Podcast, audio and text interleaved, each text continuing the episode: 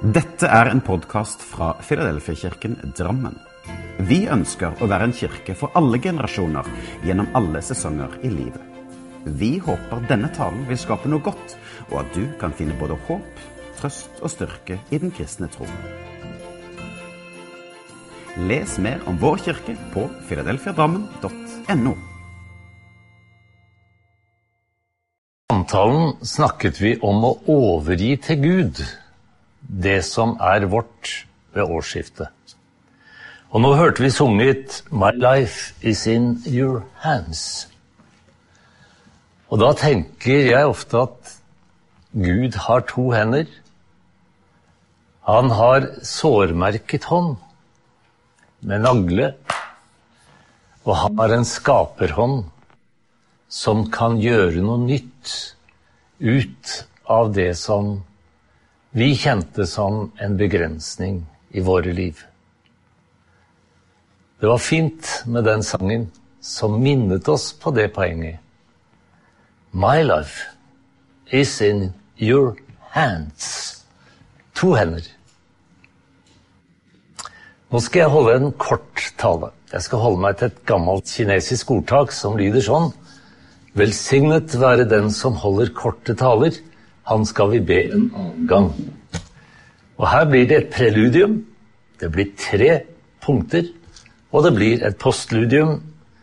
Og preludiet går så her. Årsskiftet er ofte tiden for selvbebreidelser, bebreidelser og nyttårsforsetter. Jeg var aldri i feststemning nyttårshelga og ved årets begynnelse. Da så jeg tilbake og hadde en ganske velutviklet evne til å bebreide meg sjøl at jeg ikke gjorde det, at jeg ikke tenkte på det. Og jeg tror at uh, nyttårsforsettene ofte springer ut av denne selvbebreidelsen eller bebreidelse overfor andre, for vi hæler ikke å være i den. Det er en kar som sa at bebreidelsesbransjen er verdens minst lønnsomme bransje. Den fører bare til at vi gjør oss selv mindre, og vi gjør andre mindre. Derfor Bibelens svar på både selvbebreidelse og bebreidelse av andre er nåden. Er løsningen på alle oss som gjør både andre og selv mindre, ved å drive og surre rundt i vår egen boble og anklage oss selv. Derfor, ja, gjerne ta et og gi deg selv eller andre et nyttårsforsett, men vær nå edruelig, og vær litt mer opptatt av at det neste året, 2021, kan være preget av takknemlighet og overgivelse framfor selvbebreidelse og tap av frimodighet. Det var preludiet. Punkt én.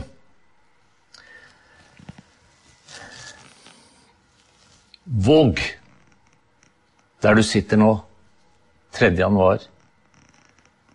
Våg å leve livet en gang til. Jeg må lese en av de tekstene som vi bruker oftest rundt årsskiftet, fra Lukas evangeliet. Og det er Jesus som forteller folk en lignelse, altså en eksempelfortelling. Og nå får vi høre den. Hør. Så fortalte Jesus denne lignelsen. En mann hadde et fikentre som var plantet i vingården hans. Han kom for å se etter frukt på det, men fant ingen frukt. Da sa han til gartneren, nå er det tredje året jeg kommer og leter etter frukt på dette fikentreet uten å finne noe. Hugg det ned. Hvorfor skal det stå der og suge ut kraft fra jorden? Men gartneren svarte, Herre, la det stå dette året også.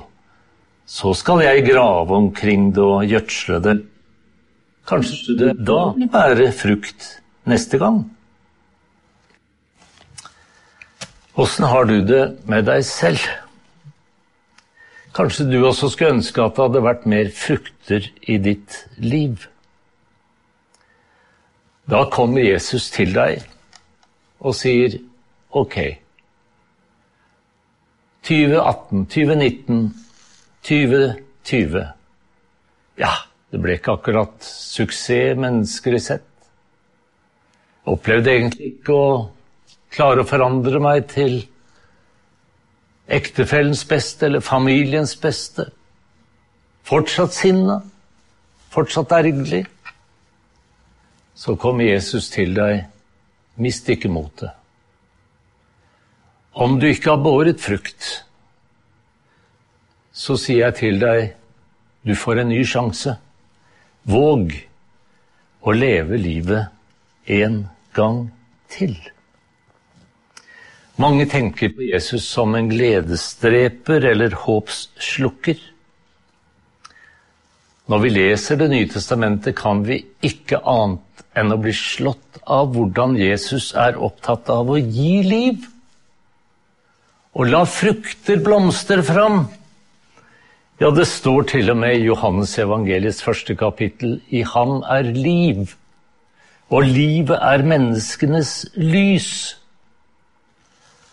Så kjære bror eller søster, våg å leve livet en gang til. Det er fortsatt bare begynnelsen på 2021. Du er ikke ferdig med livet så lenge livet ikke er ferdig med deg. Det var punkt én. Punkt to. Sats på håp og tilgivelse. Gordon Johnsen, som var overlege på Moderbad, han sa en gang i en tale nyttårsaften i Olavskirken følgende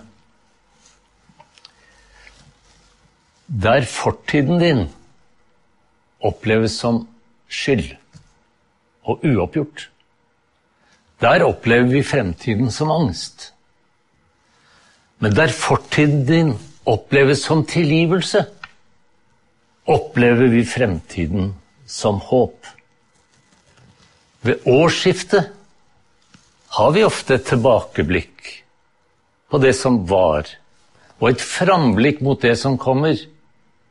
Kan du ikke heller satse på tilgivelse og ærlighet, og dermed på håp, framfor benektelse taushet, skyld og angst. Så det tredje og siste poenget før postludiet. Jeg husker veldig godt 1961. Jeg var elleve år, satt ved radioen sammen med mor og far. Og så kom den fryktelig triste meldingen at generalsekretæren i FN, Dag Hammarskjöld, var omkommet i en flyulykke i Kongo i Afrika. Og Dag Hammarskjöld hadde interessert meg. Og jeg ble veldig glad når en av hans venner samlet hans tekster noen år etterpå. Og så kunne jeg lese sitater fra den mannen som virkelig var en fredsbygger. Han satset virkelig på å bygge broer framfor å bygge murer.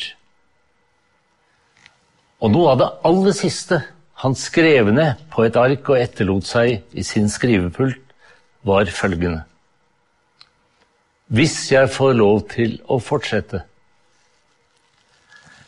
da fastere, enklere, saktere og varmere. Han fikk ikke fortsette, han døde.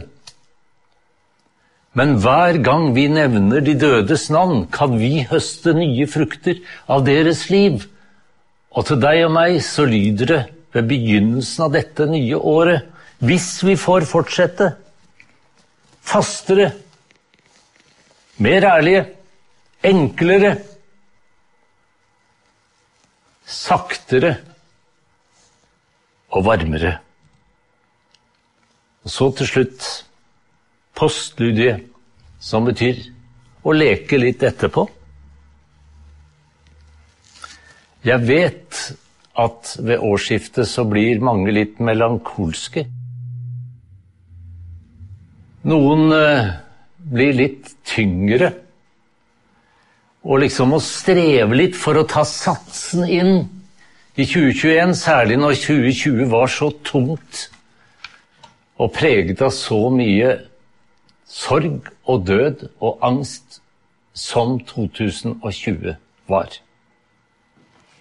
Fristelsen for oss venner, og det er postludiets avsluttende poeng, er resignasjon.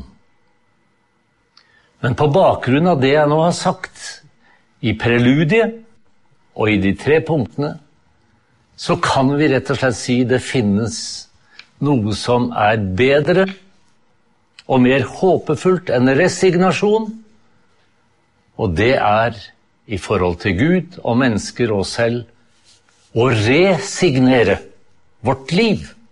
Reset. Starte på nytt. I tro.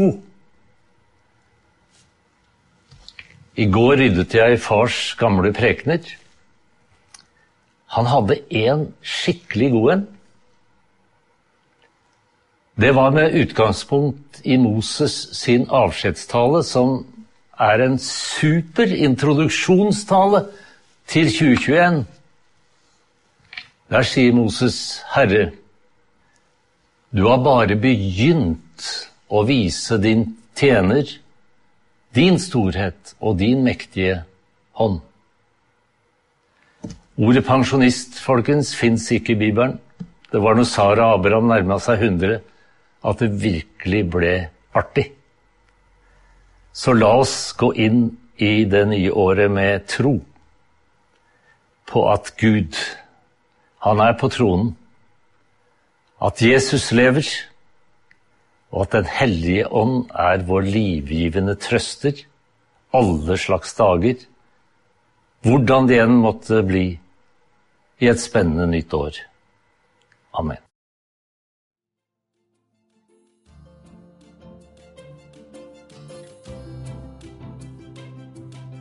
Som en avslutning på denne podkasten ønsker vi å lyse Herrens velsignelse over deg. Herren velsigne deg og bevare deg. Herren lar sitt ansikt lyse over deg og være deg nådig. Herren løfte sitt åsyn på deg og gi deg fred.